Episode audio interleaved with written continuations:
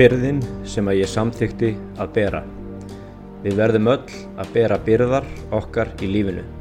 Sumar geta verið líkamlegar, aðrar andlegar eða tilfinningarlegar. Þegar við áttum okkur á þeim byrðum sem við verðum að bera, erum við á réttri leið og stöndum frammi fyrir þeirri spurningu Hvað er ég tilbúin að gera til að komast áfram í lífinu og hjálpa öðrum með fórnfísi minni? Þetta er lesið upp úr bókinni Hugsanir hafa vangi eftir Konráð Adolfsson. Mér finnst þessi teksti einstaklega fallegur og mér langaði að lesa hann fyrir ykkur. Það er svo magnað stundum, reyndar skrítið og kannski stundum ósvangjart að manni finnst hvað lífi getur bóðið upp á. Uh, við höfðum gengið í gegnum tímabil þar sem að hugafar mitt var einfallega orðið þannig að ég var farin að hugsa hvað næst. Ég var hreinlega farin að býða eftir næsta skell eða næsta kjaftsöki. Eh, það var auðvitað alveg handónýtt hugafar sem var ekki líklegt til að eh, skapa mér neina hamingu eða konuna minnar og uh, það tók vissulega tíma að breyta þessu hugafari. Dægin eftir að okkur hafi verið aðfind þessi peningagjöf frá fólkin okkar þá vöknum við bæði í rauninni með mjög mikið samviskubitt. Okkur leið eiginlega alveg eins og þegar að þessi góðkunni maður ringdi í mig utan að landi og bauðst til að leggja inn okkur pening. Okkur fannst þetta bæði óþægilegt og eiginlega ránt. Okkur fannst að ránt að það að við skildum vera tilbúin til þess að stiga fram og segja einfallega frá ófrjómsemis baráttinu okkar að það skildi vera verðlunað með peningagjöf var eitthvað sem við áttum ofsalega erfitt með að meðhöndla. Það tók okkur marga mánuði í rauninni að samþykja þessa falliðu gjöf og líða vel með að nota hana. Það var nýju mánuðum setna sem við lögðum að stað í okkar fyrstu meðferð. Nú áðurum við byrjuðum fyrstu meðferð þá þurftum við að ákveða hvort að við vildum hafa svo kallaðan lokaðan gjafa eða opin gjafa. Munurinn er sá að með lokuðum gjafa þá getur barnið ekki fengið neinar upplýsingar um gjafan sem að hjálpað okkur að koma því í heiminn. Með opningjafa getur barnið hins vegar við 18 ára aldur fengið upplýsingar um viðkomandi og uh, mögulega sett sig í samband við hann. Nú, nú ætlum ég að reyna að vanda mig mjög vel og velja orð mín vel svo ég móki nú alveg öruglega engan. Fyrir okkur kom aldrei neitt annað til greina en að hafa opingjafa. Í fyrsta lagi þá var ófrjósemi mín ekki leindamál og barnið okkar myndi alltaf fá að vita hvernig það var til. Við myndum ekki breyta sannleikanum.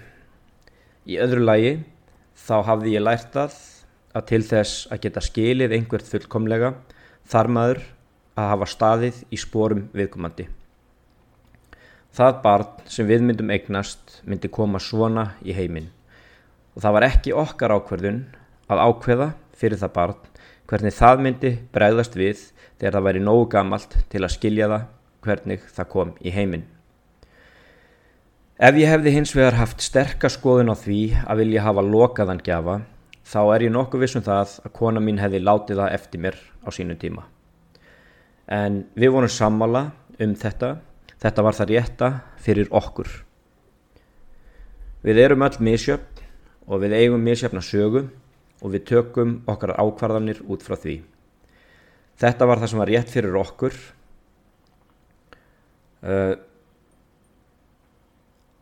Það á alveg pottitt ekki við alla og þess vegna getur það verið að það sé ekki það rétta fyrir ykkur.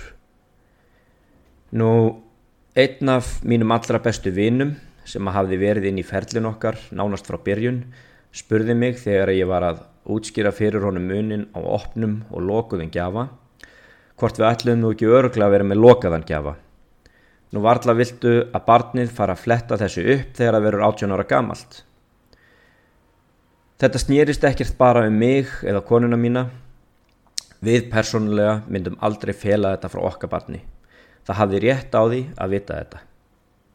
Þess vegna vil ég segja að fólk sem að stendir ykkur nálægt getur verið með alls konar ráðleggingar og meinar nú alveg öruglega vel í flestu tilfellum. En munið að þetta er ykkar ákverðun og því ráðleggi ykkur að velja það sem að ykkur líður vel með og ekki láta neitt hafa áhrif á það. Nú, eftir að við höfum farið í gegnum það ferli að velja gjafa, þá byrjum við meðferðina. Hún fólst meðal annars í því að kona mín þurfti að spröyta sig með hormonaspröytum á hverjum degi í næstum því tvær vikur. Við vorum ótrúlega spennt þegar við byrjuðum meðferðina. Okkur fannst við í rauninni eigaða skilið að hún tækist hjá okkur. Við reyndum samt eftir bestu getu að stilla væntingum okkar í hóf og vera undirbúin þess að meðferðin myndi ekki takast. Það var svo á þriðja eða fjórða degi spröytumeðferðar hjá Söru að tengdapappi minn, pappinar Söru, var bráðkvatur. Bráðkvatur heima í stofinni hjá sér. Þegar við heldum að við varum loksins að sjá til sólar í þessu lífi, þá kom enn annar skellurinn. Þó svo að það hafi verið gríðarlega erfið ákverðin að halda áfram með meðferðina, þá ákáðu við samt að gera það. Allur aðdragandi að henni hafi verið svo langur að okkur fannst við verða að halda áfram. Það var í miðjum undirbúningi á jarðaför pappa hennar Söru sem við komum svo að því að meðferðin hefði mistekist. Ekkert barn. Nú styrk konu minnar á þessum tíma fæ ég ekki líst svo auðveldlega í orðum. Allt það sem á undan var gengið var nú toppa með því að hún misti pappasinn fyrirvara löst. Í mínum huga þá var bara einn aðili sem kom til greina sem maður ásins á Íslandi þetta ár og það var kona mín. Hún hafði nú mist pappasinn og það var komið að mér að vera til staðar fyrir hana. Það var ég sem þurfti núna að vera kletturinn hennar. Eftir fyrstu meðferð þá hallaðist hún að því að við myndum taka smá hlið áður en við færum í næstu meðferð. Uh, við ákváðum hins vegar sameinlega að við myndum reyna einu sinni í viðbót í byli og sjá hvernig færi. Það var síðan nýju mánuðum setna sem að fættist okkur indisleg og falleg lítil prinsessa. Þegar ég fekk hana í fangi fyrst þá gerði ég það sama og ég hef búin að gera helmingin af þessu podcasti. Ég satt með hann í fanginu og ég grétt og grétt. Ég átti litla dóttur. Litla dóttur og ég og mamma hennar voru mikilvægustu manneskjurnar í lífi hennar. Ég get einfallega ekki líst í hversu hamingjusamur ég var. Eftir allt hafði draumur minn ræst. Ég var pappi. Það var á sama tíma og Sara var ólétt að ég var ráðinn til Air Atlanta þar sem ég fekk mína fyrstu vinnu sem flugmaður. Mamma mín segraðist síðar í baráttunni sinni við krabbaminnið og það var loks farið að byrta til hjá okkur.